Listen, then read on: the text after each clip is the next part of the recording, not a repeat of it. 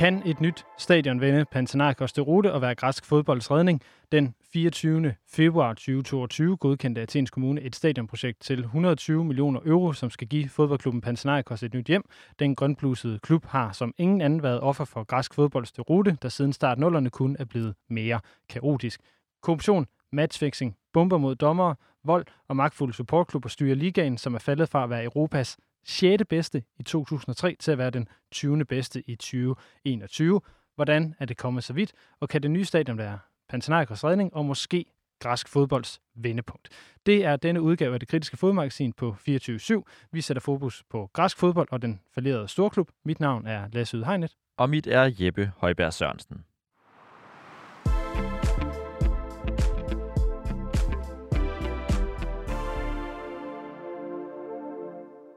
Ja, i dag skal vi altså tage temperaturen på græsk fodbold, og særligt på Panathinaikos. Og det skal vi sammen med nogle af de stemmer, som har været helt tæt på græsfodbold, men især den her klub, og dermed også forstår den særlige kultur, der hersker i Athen-klubben. Det er den tidligere spiller i klubben, Jan Mikkelsen, tidligere landsholdsspiller også, Jesper Fredberg, som i 2018 var teknisk chef i klubben, nu sportsdirektør i Viborg, og så Alexander Syllers, der er fan af Panathinaikos. Men først, Lasse, så synes jeg lige, vi skal fortælle, hvorfor vi overhovedet synes, at den her udsendelse er spændende og værd at lave. Altså personligt, så går mit forhold til Panathinaikos og til græsfodbold nok mest på, at de var ret store i nullerne. Altså det var vanlig Champions League-inventar.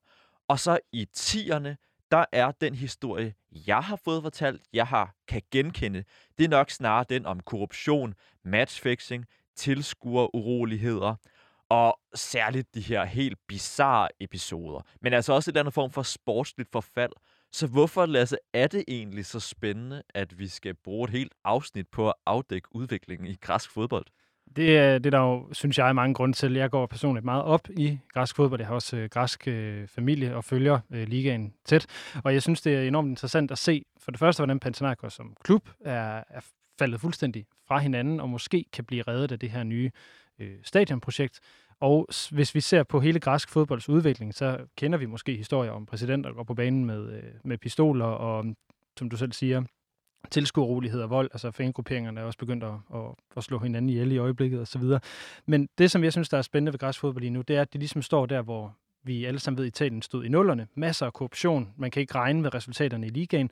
Samtidig med, at man står med, med kun to klubber i virkeligheden, som har nye, moderne stadions. Resten er totalt faldefærdige stadions, og nogle af de her historiske klubber har ikke engang deres, deres øh, en, vel, en velfungerende hjemmebane, blandt andet AK Athen, som får nyt stadion her fra sommeren 2022, når det er færdigt, hvis alt går efter planen, og så altså Panathinaikos, som øh, efter mange år på et totalt nedslidt historisk stadion, øh, måske kan redde sig selv nu ved at få et, øh, et nyt stadion. Så spørgsmålet er om, om det her, kan det vende græsk fodbold? Kan, kan det komme tilbage? Er det det, vi ser nu med det her stadionprojekt? Men først, så synes jeg lige, vi skal igen blive lidt klog på, hvor vi så står nu for at vide, ligesom, hvor vi skal, hvad, hvad græsfodbold skal vende sig væk fra.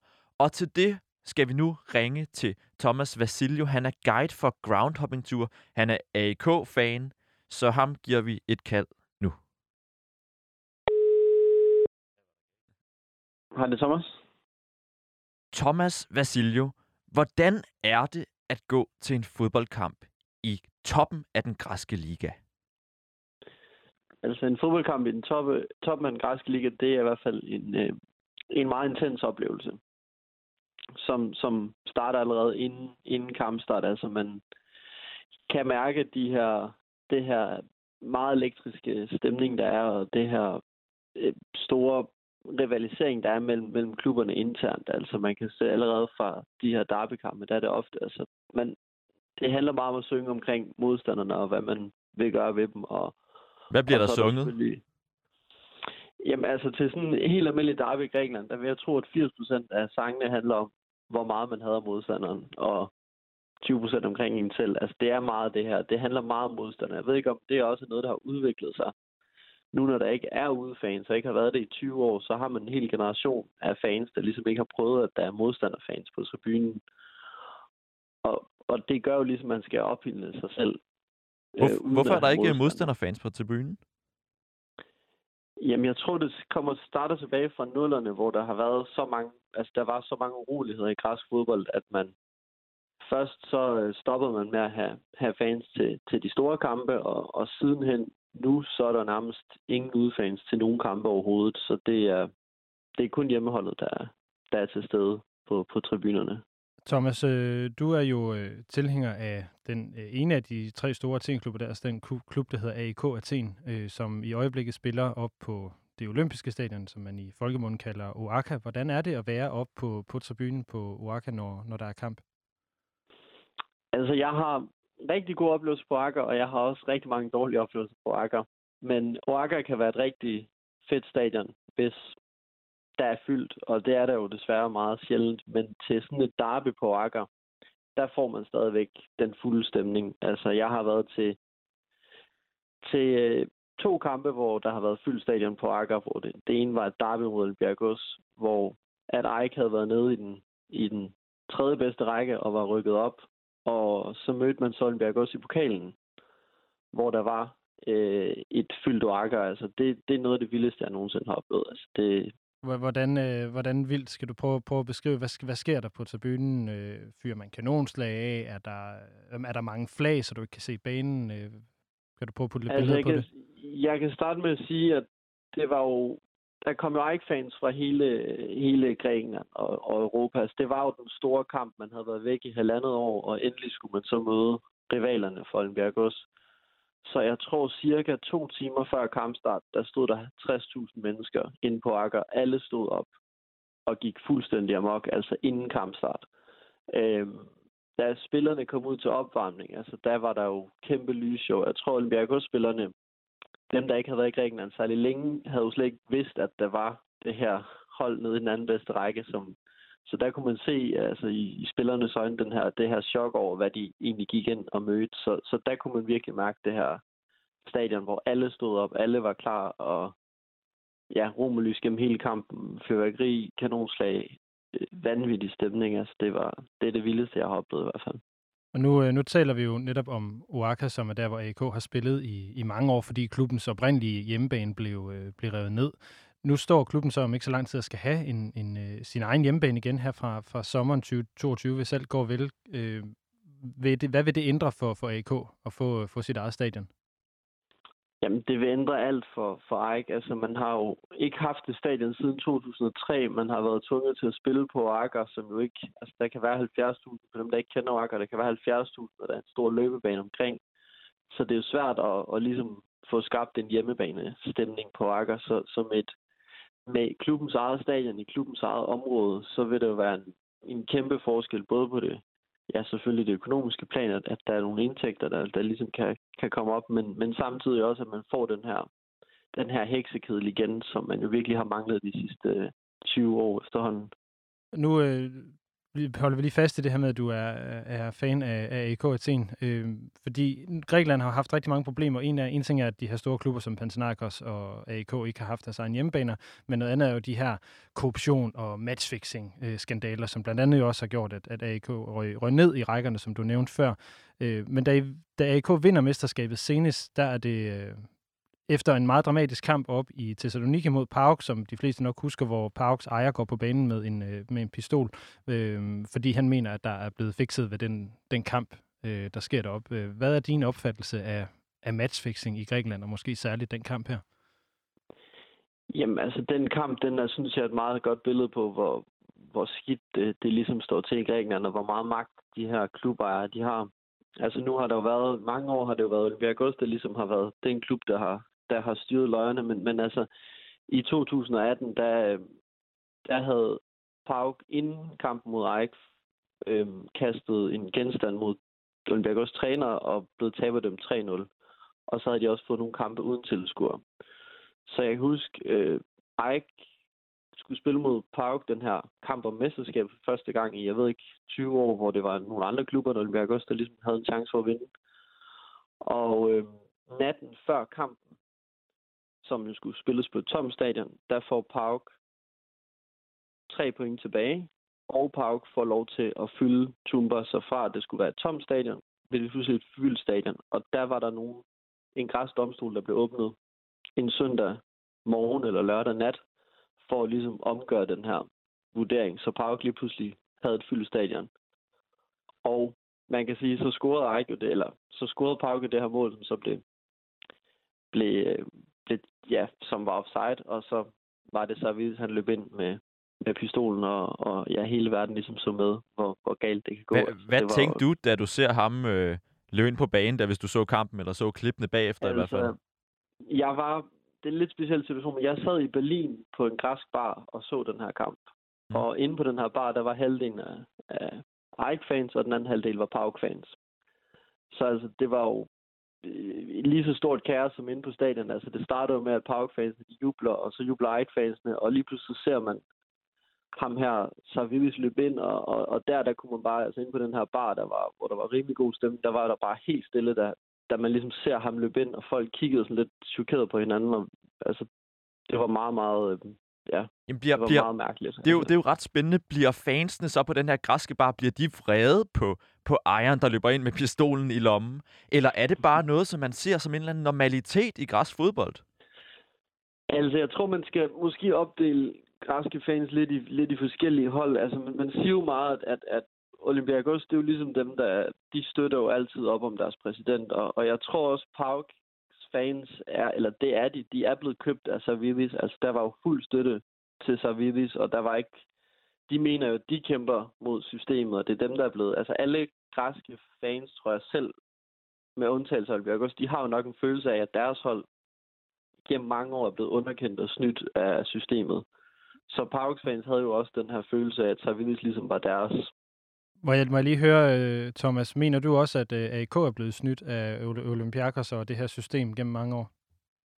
Ja, det mener jeg helt klart. Hvordan øh, har, er der et, et, tidspunkt, hvor du tænker, nu, nu er det taget overhånd, nu gider jeg ikke øh, forholde mig til det her øh, matchfixede system længere? Altså, jeg kan huske, der var jo en, det har været i nullerne, der, der, man kan sige EM-holdet, for hvis man starter der, det var jo en blanding af Panathinaikos og, og Ajax-spillere. Altså, så, så der havde alle tre klubber jo nogle rigtig gode hold, men det var altid Olympiakos, der løb med det, med det sidste strå. Så, så der er nogle år der, hvor også, det har også, det er også meget, man nævner i græsfodbold. Altså, der, det er jo sådan nærmest, at der var nogle, nogle mesterskaber, som både Panathinaikos og Ajax er blevet snydt for. Men, men det, der står skarpest i, i Ajax-fans hukommelse, tror jeg, det er 2008, hvor Ajax faktisk vandt mesterskabet på, på, hvad skal man sige, på banen. Men fordi Olympiakos havde mødt øh, Apollon, tror jeg det var dengang, der havde brugt en efter sine ulovlige spiller, så tabte Olympiakos den her kamp 3-0, eller 1-0, men fik så kamp, vandt så kampen i domstolen, altså fik så de her, de her tre point tilbage, som så gjorde, at de vandt det her mesterskab. Og, og den sag trak selvfølgelig ud, så, så deres ligaen var spillet færdig, så blev, fik de så det her skrivebordsmesterskab, som faktisk var inde på, på AIK, fordi det, der skulle AIK jo have spillet Champions League. Men i stedet for, så ville AIK ikke møde op i den her, det her nye playoff, og mistede så endda andenpladsen, som også gav Champions League. Og efter det var det ligesom starten på Ajax konkurs, kan man sige et eller andet sted, at man ikke fik de her de her Champions League-penge, man havde Rivaldo dengang, og man havde sat så stort på at vinde det mesterskab, som man så fik frataget som et skrivebordsmesterskab. Nu har vi ligesom hørt igennem dig nogle af de her beretninger om korruption, matchfixing, også bare det her administrative rod, der ligesom omgiver ligaen. Her til sidst, vi, vi fokuserer jo særligt på Panathinaikos herfra. Som ja. AIK-fan og guide for groundhopping tours i Grækenland, hvordan ser man så på, øh, på Panathinaikos nuværende situation? Altså, hvad er det, der kendetegner klubben? Bare helt kort. Altså, Panathinaikos, det er jo et, et stort kaos lige nu med en, med en præsident, øh, Alafusos, som der ligesom ikke er nogen fans, der rigtig tror på. Så Pauk, eller Panathinaikos, undskyld, det er jo sådan et, et lidt kaotisk midterhold efterhånden har det udviklet sig til. Altså, det er jo ikke nogen, man længere... Altså, når jeg ser Eik Barnhagos, nu er Eik godt nok heller ikke så god lige nu, men, men det er ikke Barnhagos, man, man ligesom skiller til længere. Det er, det er Olympiakos og Pauk, så de er sådan lidt glemt, vil jeg sige. Thomas, Vasil Thomas Vasilju. Thomas Vasilju, mange tak, fordi du ville bidrage her til programmet. Ja, selv tak.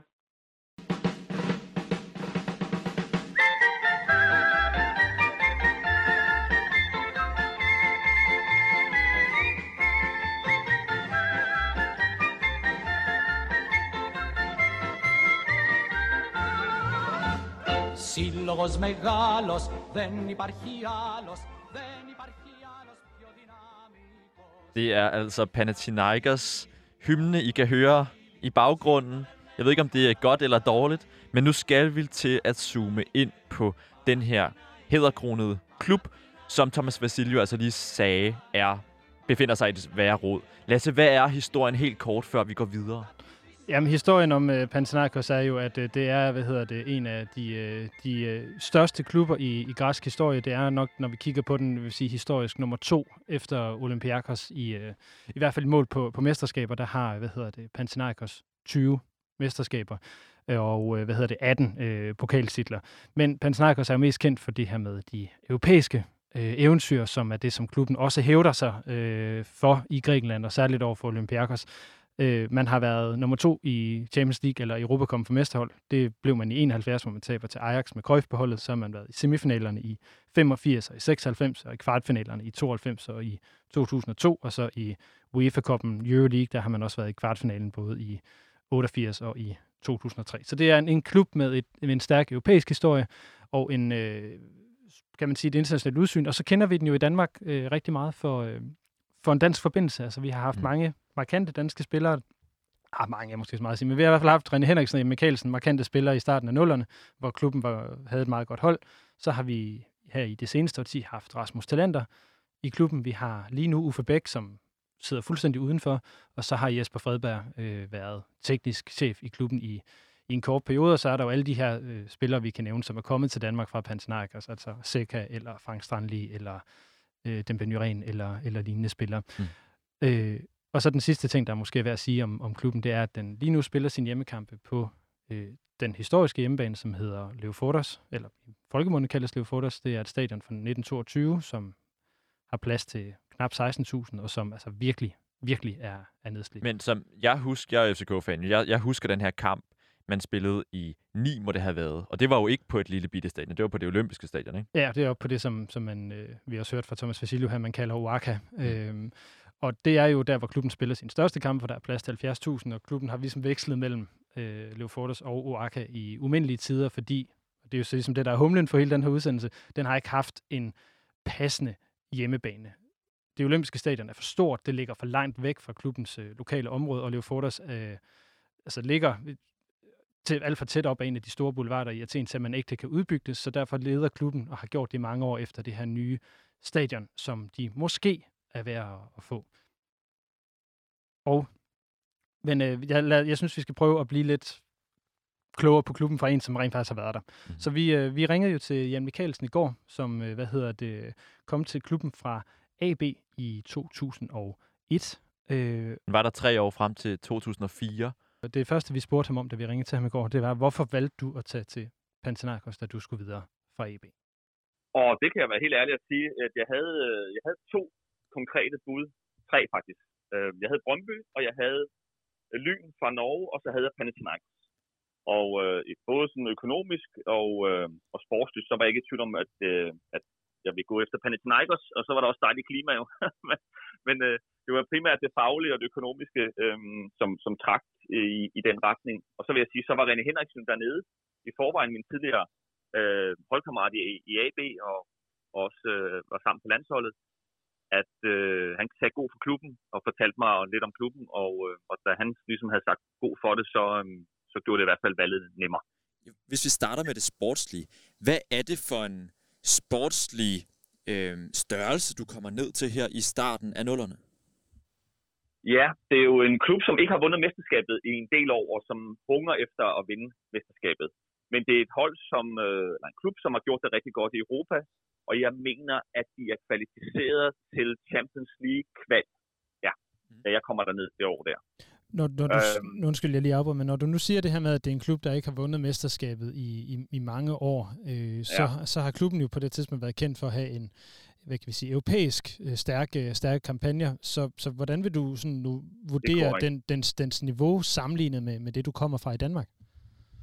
Om jeg kom jo fra et AB-hold, der var lidt, øh, havde tabt lidt øh, niveau, øh, fordi vi har solgt mange spillere, og ja, og nogle af os var blevet lidt ældre, måske også har mistet en lille smule, bare 5% af motivationen, og, og havde hungret efter at blive solgt, øh, som klubben jo havde lovet os. Og, øh, og så stille og roligt, så synes jeg, at AB har mistet noget niveau. Ikke? Og jeg kommer til en klub, som er fyldt med landsholdsspillere, og som er øh, vant til at spille i, i Europa, i hvert fald, hvis det ikke er Champions League, så er de i hvert fald vant til at spille i det, der hedder UEFA-koppen dengang. Så, så selvfølgelig var det et skridt øh, opad, og, og det var da også noget, der, hvis jeg ellers skulle finde en, en, få en plads dernede, så tror jeg også, det er noget, der ville kunne hjælpe mig til at beholde min landsholdsplads. Så, så alle de ting, synes jeg, øh, gjorde, at, at valget rent sportsligt var meget nemt. Og, Og, øh, og det viser sig også selvfølgelig at, at holde stik, at vi, at vi havde et super hold, ikke? Øh, rigtig, rigtig stærkt hold. Så, så jeg var ikke overrasket over niveauet, da jeg kom derned. Jeg var sådan lidt i tvivl om, og det tror jeg egentlig også, René sagde til mig, at det er jo ikke sikkert, at du kommer på, Jan, fordi man siger, der er rigtig mange dygtige spillere, så, så man, man skulle være dygtig. Plus, at der er også noget politik i det, ikke? Fordi hvad bliver man købt til, og hvem køber en, og alle de der ting, som, som selvfølgelig hører med i det professionelle. Ja, det nu siger jeg selvfølgelig, men, men det er det. Det er jo bare en del af, af gamet, når det er professionel fodbold. Det er, at der også er noget økonomi og noget politik og, øh, og, og tage højde for. Men øh, så, så jamen, det var i hvert fald mit udgangspunkt, da jeg kom derned. Ikke? Ja, og man kan sige, at I, øh, mens du er der, så kommer klubben jo i, i kvartfinalen i Champions League i 2002, hvor I, I taber til Barcelona faktisk efter at have slået øh, Ja. Barcelona på, på hjemmebane på, øh, Ja. hvad hedder det, Leofordos. Øhm, og klubben klarer sig jo sådan rimelig godt i Europa, har også været i kvartfinalen i UEFA-koppen. Hvordan er, øh, altså oplever du klubben som mere nationalt eller internationalt orient- orienteret i virkeligheden? Åh, det er et godt spørgsmål. Øh, der er ingen tvivl om, at hvis man skulle vælge mellem de to ting, så tror jeg, at de, de bliver rigtig, rigtig glade, da vi vinder det dobbelt i 2004. Altså, det, det er jo en, en forløsning, og man har jo det der interne hierarki imod Olympiakos, hvor man i nogle år har kæmpet med at, at netop kunne sætte sig på tronen øh, helt øverst oppe og, og ødelægge den dominans, som Olympiakos jo havde nationalt. Samtidig med det, så er der ingen tvivl om, at de, olympiske, eller undskyld, de europæiske aftener, vi har på Leofordos mod Real Madrid, mod Schalke, mod Mallorca, altså Arsenal slår vi. Altså, der er jo ingen tvivl om, at der var en kæmpe stolthed i at kunne øh, levere sådan nogle aftener og levere sådan nogle præstationer, hvor Olympiakos havde det rigtig svært. Så, så det, var, øh, det var jo lidt modsætning at mødes, ikke? Hvor, hvor Olympiakos vil rigtig gerne bytte måske for at få noget europæisk succes, og vi vil rigtig gerne bytte for at få national succes. Så er det en sund klub rent sportsligt, du bliver en del af i de her tre år, hvor du er der? Ja, altså, det er i hvert fald en sund klub, forstået på den måde, at der er masser af kvalitet i klubben øh, og i truppen. Øh, at der så stadigvæk er noget kaos med en masse træner, der bliver øh, udskiftet ud, øh, fordi at Lunden er, er meget, meget kort dernede, ikke? i forhold til, at forventningerne er kæmpe, kæmpe høje, og, og næsten også urealistiske nogle gange i forhold til, hvad, hvor godt fodbold man skal spille, samtidig man vinder i Europa og, og vinder det græske mesterskab. Og det kostede jo øh, blandt andet Kirastas, øh, træneren, der købte mig, øh, livet dernede, øh, ja. Øh, og det oplevede jeg jo dernede, det oplevede jeg jo en, en, en 3-4 gange, hvor, hvor vi mistede træner på bare tre år. Ikke? Så, øh, så Lunden er meget kort. Men det var den nu også i Olympiakos, men, men øh, det var jo mere på grund af Europa. Ikke? Hvad hedder det? Nu, nu nævnte vi jo lige Leo Fordersen ved, ved, ved navn. Det er jo øh, den, den historiske hjemmebane for, for Panathinaikos, som øh, I spiller Mm. på i den her periode. Vil du ikke prøve at beskrive, hvad det er for et sted at spille? Jo, jeg vil bare sige, at den intensitet, der er, det er jo ikke verden, altså ikke verdens største stadion, det er, der er måske, hvad kan der være, 19.000, 23.000, jeg kan ikke huske det. Det, jeg mener, det var 23.000, dengang du var Ja. der. Kapaciteten Ja. nede på 16 i dag. Okay, ja, men jeg tror, der var 23, da, da, når der er fuldt hus. Så der var en, stort set altid fuldt hus, det jeg sige. Øhm, da, det, da det gik godt, ikke? Så i den periode, jeg var der, gik det for det meste godt. Og, øh, og den intensitet, de sidder jo en meter fra banen, øh, de nærmeste tilskuere, og der bliver jo kastet mønter og mobiltelefoner og alt muligt ind på banen. Øh, heldigvis mod modstanderen for det meste. Så jeg har oplevet jo, jeg har oplevet Rivaldo, jeg har oplevet Ebbe Sand og Schalke, jeg har oplevet øh, Eto og Company fra Mallorca. Altså virkelig, virkelig, virkelig have problemer. Og, og blandt andet Ebbe Sand, som, som jeg havde med i min egen podcast øh, bag om trøjen, der sagde Ebbe Sand til mig, at Jan, altså, vi følte jo, der var 60.000. Altså, vi følte jo faktisk, at det var på højde med det, som vi kunne levere øh, på deres stadion, altså Auf Schalke, altså, hvor jeg selv øh, debuterede.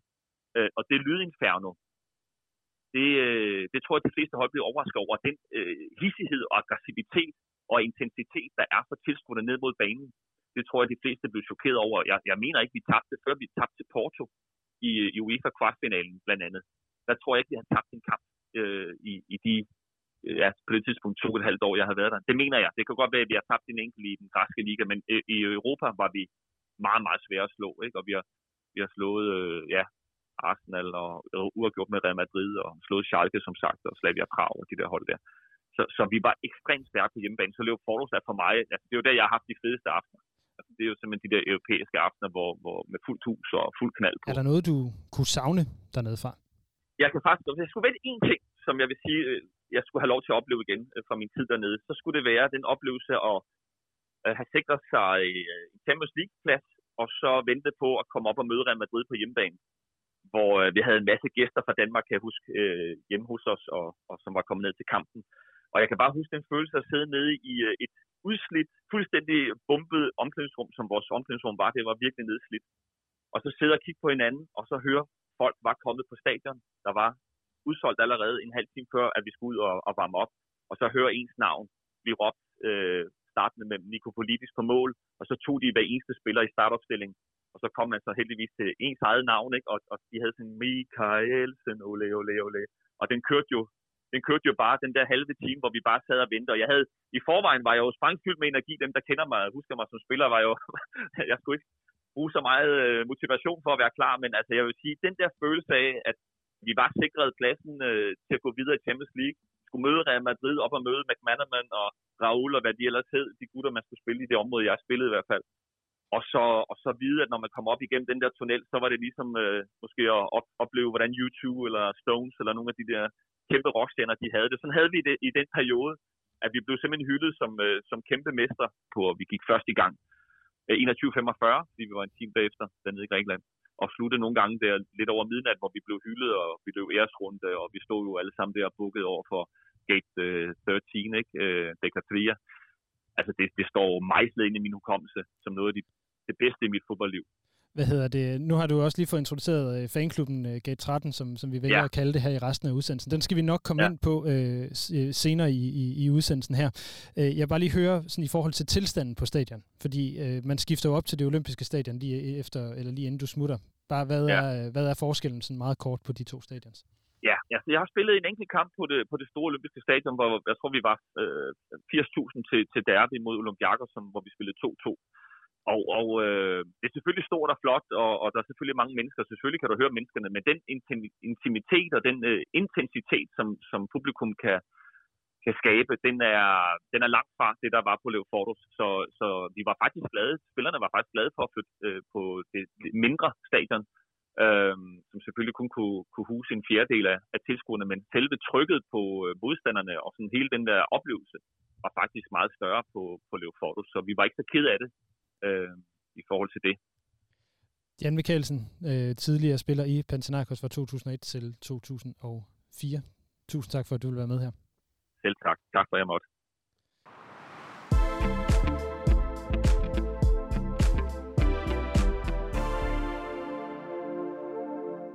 Det var altså Jan Mikkelsen om den her rigtig gode Panathinaikos periode. Og da Jan Mikkelsen han forlader klubben i 2004, der er Panathinaikos jo mestre, det bliver de i 2004. Grækenland har netop vundet EM i fodbold. Og bare lige for at understrege, hvor godt det ser ud i Athen på det her tidspunkt, så bliver OL afholdt i selv samme by det år. Så på overfladen kunne alt jo altså se godt ud, men spørgsmålet er, om det er tilfældet. For i årene efter, der opnår Panathinaikos slet ikke de samme resultater. For at undersøge, hvordan de her år bagefter, de glamourøse år, ser ud, der har vi snakket med Alexander Sylos. Han er direktør i rekrutteringsfirmaet Jobsun. Han er halv græker, så er han livslang supporter af Panathinaikos. Og Lasse, så er han jo faktisk også din bror. Ja, det er jo det, det kuriøse, og det er jo så der, hvor min forbindelse til, øh, til Panathinaikos øh, kommer ind. Men øh, vi, øh, vi prøvede at ringe til, øh, til Alexander i går, øh, for at høre, hvordan han har oplevet den her periode, og så have lidt øh, fokus inden fra selve fanmiljøet. Og vi spørger ham jo allerførst, om alt faktisk er så godt, som det ser ud for en Panathinaikos-fan her i 2004. Der, der er mange ting at juble over, men ser Grækenland bliver europamester med en masse spillere, som man øh, selv har jublet over at score mål og så videre i, øh, i den græske liga og europæiske turneringer. Så jeg, ud fra det, det er så kan sige, det var næsten en halv af godssejr. Og mange af dem, der holdt parten af de følte egentlig, at det var en, øh, det var den europæiske triumf, som bare det var et eller andet sted, der var fortjent, men de så fik via landsholdet på en måde. Og øh, hvad sker der så øh, med det her hold efter den her øh, store triumf med dobbelt og, og EM-sejr? Altså man kan sige, at det hold, som vinder dobbelt her, der var der øh, mange, mange øh, den stamme, som der var fra starten af, eller slutningen af 90'erne, den var, den var der en del spillere fra stadigvæk, men der var en del spillere, som også tabt efter, øh, man året før havde tabt en afgørende kamp på udebane mod Bjergås, hvor det var, at man, der var en masse tilskuere, hvad hedder det, som lavede en masse ballader og sådan noget i, før, under kampen og før kampen. Og det gjorde sådan, at der var en, øh, altså en utrolig grim stemning. Og bare han også løber ind på en bane og spiller en fodboldkamp, der er nu skulle have spillet. Taber den 3-0 i en afgørende kamp, hvor vi skal bare få udgjort, så er det også blevet mester i 2003. Det blev de ikke. Ledelsen øh, var ikke til stede i den kamp, og var der ikke til at sige til, til dommerne og til myndighederne, vi spiller simpelthen ikke den her kamp. I stedet for, så udtalte de bare til medierne bagefter, at de er flok taber, de her spillere her, og bare med er gået skære med den her tabergeneration. Hvilket så er den generation, som så blev andet gik ind og vandt E. Så der var sådan lidt en, øh, en situation her, der var lidt opstået, og så var man begyndt at skifte de her spillere ud så småt. Og det sker sådan gradvist også i, fra 2004 efter. Der mister man sådan grund strammen i holdet. Der holder en, et par stykker af dem, men har mistet en del, og så begynder de lige så småt at forsvinde. Så den her EM øh, landsholdstrup med 5-6 var, han også spiller med i startopstillingen, de spillere, de forsvinder sig rundt omkring i Europa, til Inter og Benfica og til andre klubber. Nikopolidis også den der også blandt andet. Og hvad sker der så øh, med klubben, efter den her generation øh, forsvinder?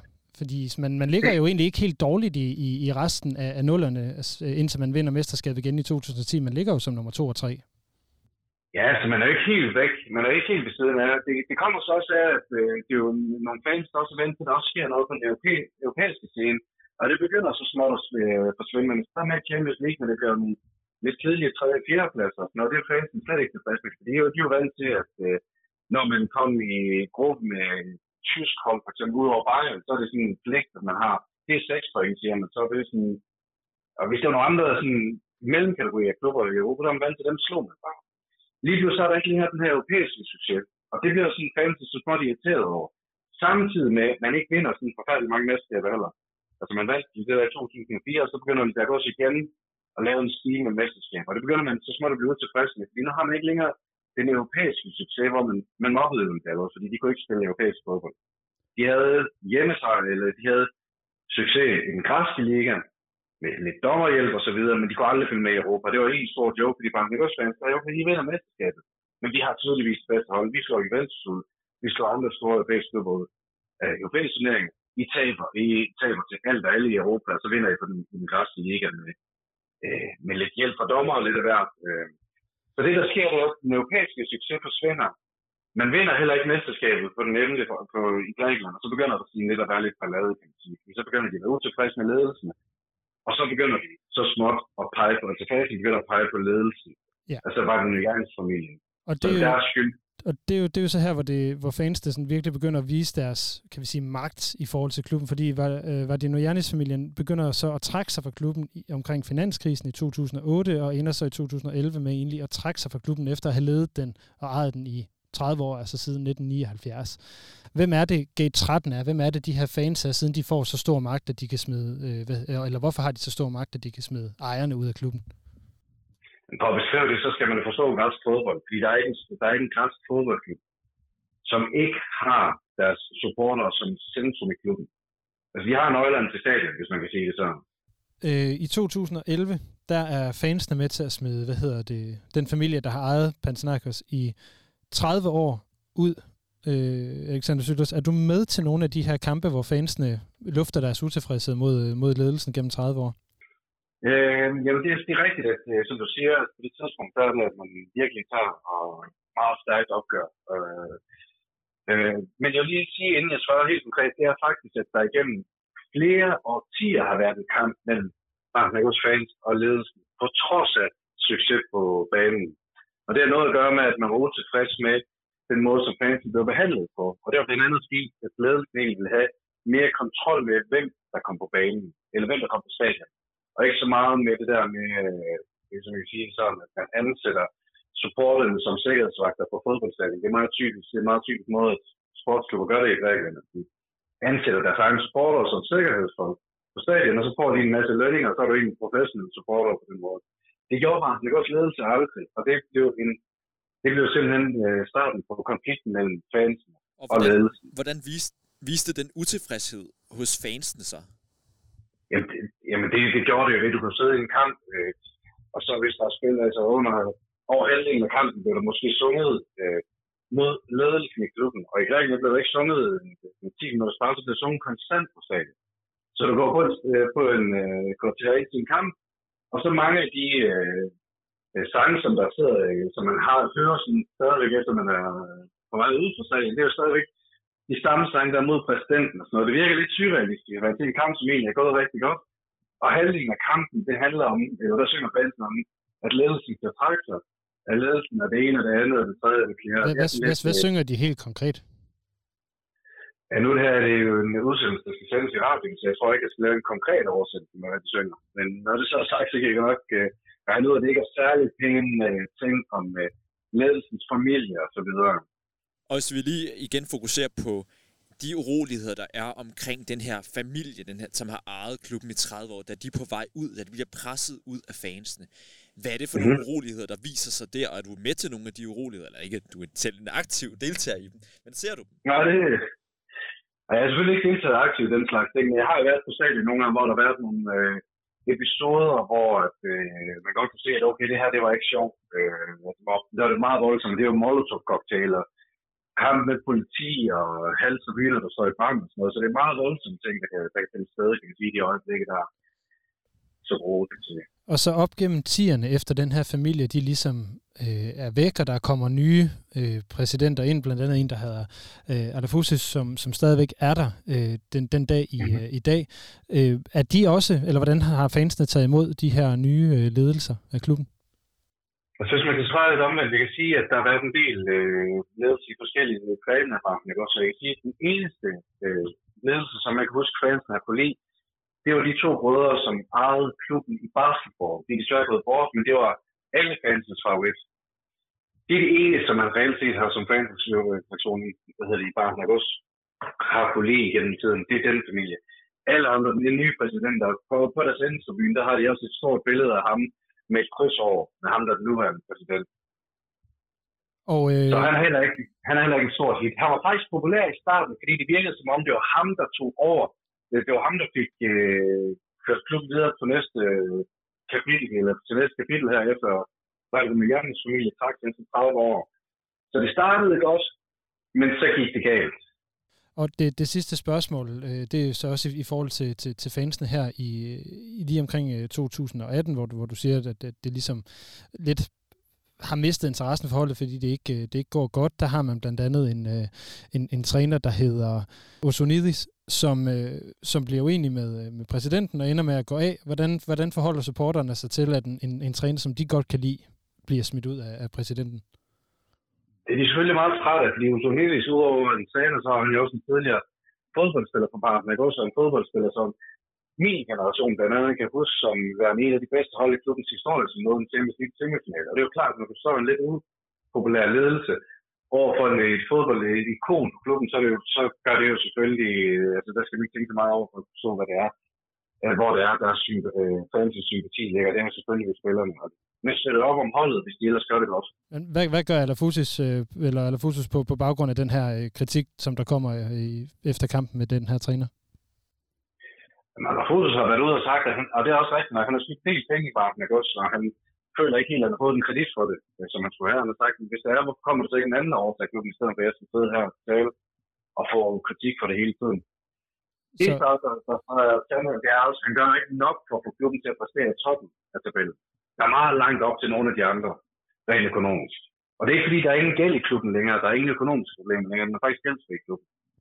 Så man kunne sige, at hvis han ville, kunne han godt trykke på speederen lidt, men der tror jeg simpelthen bare, at de er nået til sin punkt, hvis både fansen og præsidenten, at de ikke kan sammen, og så, så er det som om, at man ikke prøver lige at tage det ekstra skridt.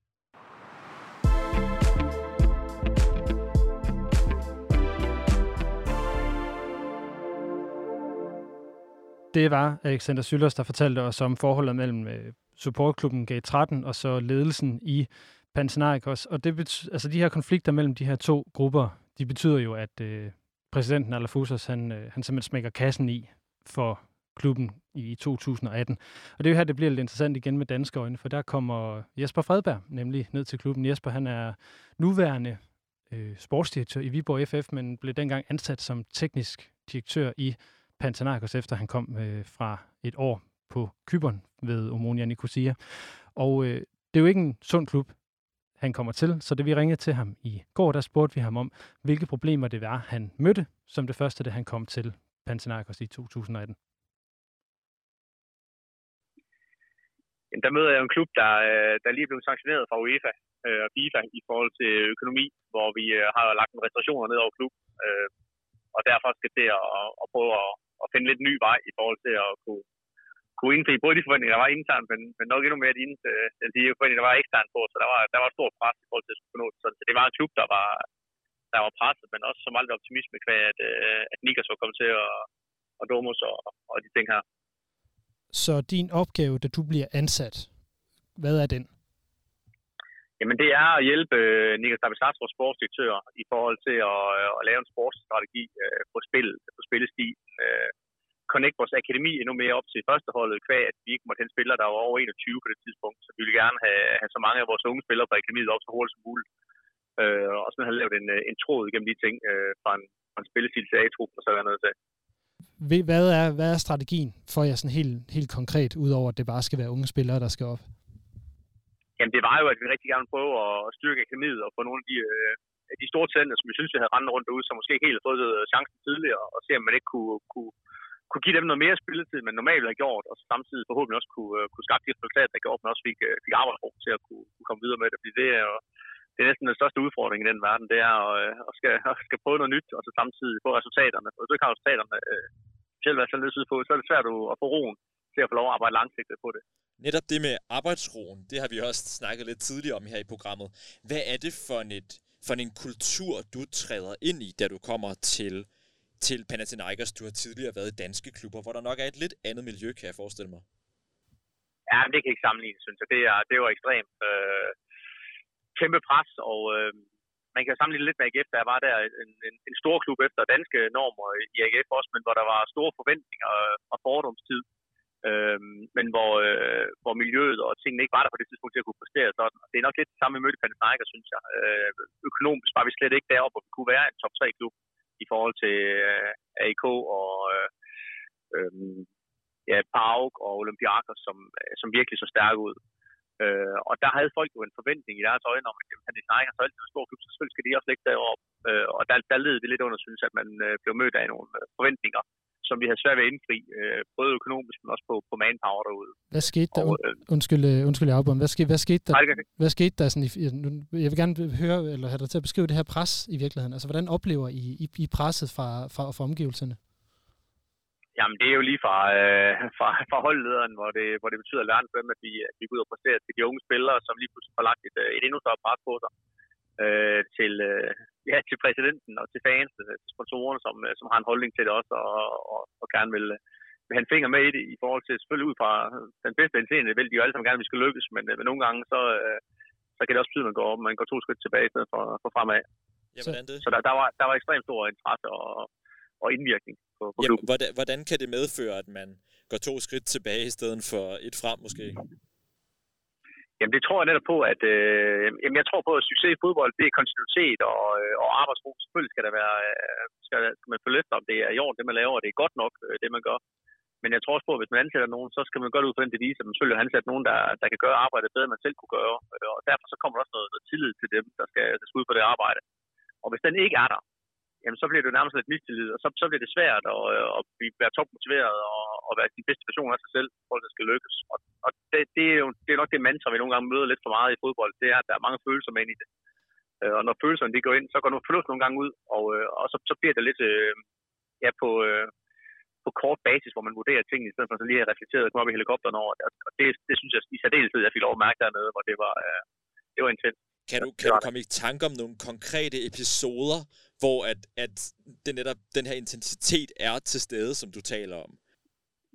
Jamen altså, jeg kan komme som et generelt helt punkt på den. Øh, nu er det Nick, der havde den. den han, han tog de største kampe, kunne jeg mærke. Øh, I hvert fald eksternt på det. Det gjorde jeg heldigvis ikke så meget, øh, at jeg ikke snakkede ret og, og ikke var lige så højt op i arkivet, som han var. Men, men der, var jo så mange ting, og der var også mange følelser inde i det i forhold til det. Og en klub, der havde så stor en historie, som Panathinaikos har, og som, hvor de lå der på det tidspunkt, øh, vi lå omkring nummer 5 og 4, jeg var der. Det, det er hårdt, og, øh, og der er så mange følelser i det. Fans, de, øh, den ene der, der var det glæde, den anden der, der var det rigtig hårde vejr, Altså, øh, der har været flere præsidenter inde, som har følt, at de har gjort alt, hvad de overhovedet kunne for at løfte klubben. Og øh, et godt eksempel, det er, at vi havde jo vi havde to store anlæg øh, uden for byen, men hvor det ene af dem, det kun blev brugt af, af akademiet, som egentlig var det største, og, og det, som, som førsteholdet i, i tidligere tider havde brugt. Men, øh, men præsidenten der det har var blevet super fans, fordi de havde sunget smedesanger om, fordi de synes, han, han gjorde det godt nok på klubben. Og så har han simpelthen lukket det hele af for klubben, og, og havde så i, i god vilje og lidt overtalelse, så han får lov til, at vores akademi kunne komme ud og, og træne derude i stedet for det.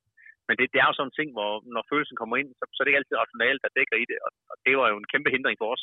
Der skulle bygges et nyt anlæg, hvor vi så kunne være med, med A-truppen og, øh, og, og akademispillerne, øh, men hvor man så kunne tage ud og træne på det andet også, i stedet for at man havde, havde samlet kræfter, når man arbejdede i, i en retning alle sammen i forhold til det, det bedste for klubben. Så, øh, så blev det nogle gange to skridt tilbage der i stedet for. Så du er i klubben i, i cirka et, et, øh, et års tid. Hvorfor forlader du den øh, allerede efter et år? Ja, det er faktisk endnu kortere, men det gør jeg egentlig, fordi at, øh, at jeg kan mærke, at det, jeg har svært ved at gøre den forskel, jeg gerne vil øh, i klubben. Samtidig med så falder familien heller ikke 100% til, øh, ligesom vi gjorde på Kyberen, da vi var dernede. Og øh, det var vi egentlig også egentlig afklaret med, at, øh, at skulle vi ud og, og, og have det udenlandseventyr, og så skulle det være noget, fordi jeg synes, det var rigtig spændende på arbejde, men så også fordi, at, at familien faldt godt til, at øh, vi alle sammen fik noget ud af det. Og det havde vi svært ved at gøre der. Og øh, til sidst så flyttede ja, pigen, de blev på, på Kyberen, og så kunne jeg pendle frem og tilbage fra Athen og blive derovre. Men det var, det var ikke holdbart for lang sigt, og derfor så tog jeg en god snak med, med Niklas Stabilisats om, øh, at det nok var bedre at stoppe, mens lejen var god øh, i forhold til tingene. Det, det, var, det var svært på det tidspunkt. Så da du forlader klubben, har du så en følelse af, at klubben ved, hvor den ligesom er på vej hen, og at det er en, i øvrigt også en positiv retning? Nej, men jeg synes, øh, nej, det, det har jeg ikke. Øh, men jeg synes, vi har taget nogle gode skridt øh, i den periode. Vi har fået implementeret en masse unge spillere. Vi har faktisk fået nogle gode resultater med det også. Så på den måde, så sad man så med en fornemmelse af, at det her, det, det kan godt gå hen og blive godt, men, men det, det var ikke sådan noget, hvor vi sidder og snakker mesterskab om det, men det kunne blive godt på, på at tage de rigtige skridt i forhold til at skabe et fundament, som kunne være bæredygtigt på sigt. Der synes jeg, man tog nogle, øh, nogle skridt i den rigtige retning. Men, øh, men derfra så, så skal til at komme op og få lykkes det, det, det, det endte det desværre ikke med, og det, det var rigtig ærgerligt. Jesper Fredberg, øh, tidligere teknisk chef i Panathinaikos og nuværende sportschef i Viborg FF. Tusind tak for, at du vil være med her. Ja, det var fedt.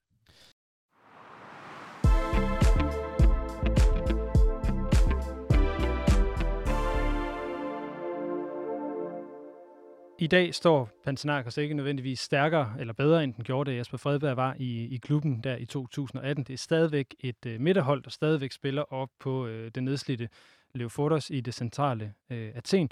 Og øh, der er jo så den her mulighed nu med, at øh, det her nye stadionprojekt det er, det er kommet op, og det, som man afventer lige nu, det er faktisk, at øh, klubbens amatørafdeling jo skal stemme om, hvorvidt projektet skal gennemføres. Så vi vender lige tilbage til Alexander Syllers, øh, og for vi spurgte ham nemlig også om, hvad er det så supporterne de drømmer om, der sker med klubben herfra? Det er et meget stort spørgsmål, fordi du kan spørge 100 forskellige, så kan du måske få øh, 100 forskellige svar. Fordi der er den store, altså det der helt sikkert det store emne, det store tema i nu det er også det, det, det med det nye stadion omkring, hvor hvor det er bare, man kan faktisk få det mest moderne fodboldstadion i Grækenland på et tidspunkt, som er ret vigtigt for klubben at få et stadion. Eftersom Ajax står med et nyt stadion til sommer, og det også har ganske fint faciliteter. Øhm, det der er, det er, at Botanikos er et område i Athen, som ikke er et 100% grønt område, det vil sige 100% Panathinaikos område. Der er det grænser op til en masse områder, hvor langt de fleste, der bor der, holder med Olympiakos. Og det gør lidt, at mange af faserne ikke helt ser det som deres nabolag, ikke helt ser det som deres område. Og det har skabt lidt det her spørgsmål om, er det virkelig det her sted, vi skal bo nu? Altså det er lidt ligesom hvis SDK flytter tæt på ud til omkring Vestegn. Og nu er græsfodbold også en anden størrelse, så hvis du går rundt med en barn med på vej til en kamp, og du så lige pludselig kommer ind af en forkert sidegade, så kan du lige pludselig komme i et problem. Så der sker også en lidt utryg ramme, kan man sige, at vi er et område, som ikke er 100% beboet af hold, Holterholm Barn, ikke også? Ligger, øh, undskyld, jeg afbryder, men nu ligger beslutningen jo, øh, så vidt jeg har forstået det, hos amatørafdelingen at stemme for eller imod, om Botanikos-projektet skal blive til noget. Hvad tror du, de vil ja. stemme, ja eller nej? Det er, øh, det er et rigtig godt spørgsmål. Jeg, er næsten, jeg, jeg tror, det er 50 Jeg må indrømme, at øh, der er mange stemmer lige nu imod Modern Gods-projektet, fordi det betyder, at man skal give lave fotos væk. Og lave fotos lige nu i Barnegos kultur og deres forståelse for, hvad klubben er, det er jo næsten, altså for rigtig mange mennesker, der er det klubbens hjerte. Så man vil ikke give slip. Der er rigtig mange mennesker, der ikke vil give slip. Og der er mange mennesker, der næsten lægger veto om, at der skal være et stadion på Leopoldus. På det sted, hvor øh, stadion er på nuværende tidspunkt. Der vil man have bygget et moderne stadion. Men folk de er simpelthen blevet deaktiveret på en måde, og de er simpelthen ikke længere øh, interesseret i de daglige beslutninger, der bliver taget i klubben. Og det betyder, at du sidder nu omkring 4.000 mand og skal slutte det her. Og det er at stemme om det faktisk på selv. Og det bliver lidt... Øh, altså, det bliver lidt, det bliver lidt sjovt at se, hvad der bliver resultatet. Jeg tror, den, øh, den kan vende gå begge veje. Men er det også sigende for græsk fodbolds tilstand, altså det vi har undersøgt i det her program, at korruptionen, volden på tribunerne, de, man kan sige, de mange trænerskift, ledelsen osv., at det har, det har gjort, at græsfodbold det ikke længere har den samme lyse fremtid, som man måske tidligere troede? Altså, jeg vil næsten mene, og det er det, mange, der siger i Grækenland også, i forhold til placeringen på UEFA's rangliste og sådan noget. Men, men man kan ikke nå længere ned, øh, og det, det er ved at skifte, det er ved at gå i den anden retning igen. Mm. Fordi man kan se, at de får et nyt stadion til sommer. Øh, der, der begynder at ske mange ting i den rigtige retning. Netop fordi man nåede bunden, og klubben begynder at få markant, altså begynder at få voldsom kritik fra medier og så videre, så begynder man også at ændre mange ting. Så øh, altså volden, det ved jeg ikke, om man kan få løst så let. Øh, men det jo være med nye stadion altså, og så videre, der har man jo også alle de her kameraer og sådan noget. Det betyder også, at, øh, at det er klart, at hvis du har kameraer og sådan nogle ting inde på tribunerne, så bliver det også sværere og, øh, og hvad hedder det, lave alle mulige grimme ting. Det vil jeg mene. Altså, det er uundgåeligt, at øh, det vil komme til at gå bedre fra nu af. Fordi man alle er begyndt at se sig selv i spejlet. Selvom jeg også træner har været ude og sige, at han, han ønsker Park held og lykke i de europæiske turneringer, fordi nu skal Grækenland op på, på korrektionspoengene. Når du ser sådan udtale, så begynder folk også at vide, også internt i klubberne. Måske ikke dem, der sidder som direktør, men træner, når de begynder, de ved godt, at nu skal vi lige op os. Den her mentalitet, når vi hedder øjnene ude på vores fjende her, den, den kommer vi ikke langt. Så det er den, det er den stemning, der generelt er i græsbåden lige nu. Lad os lige gøre det bedre, fordi vi har simpelthen noget på den. Alexander Syllers, tusind tak for, at øh, du vil være med her. Jamen selv tak da.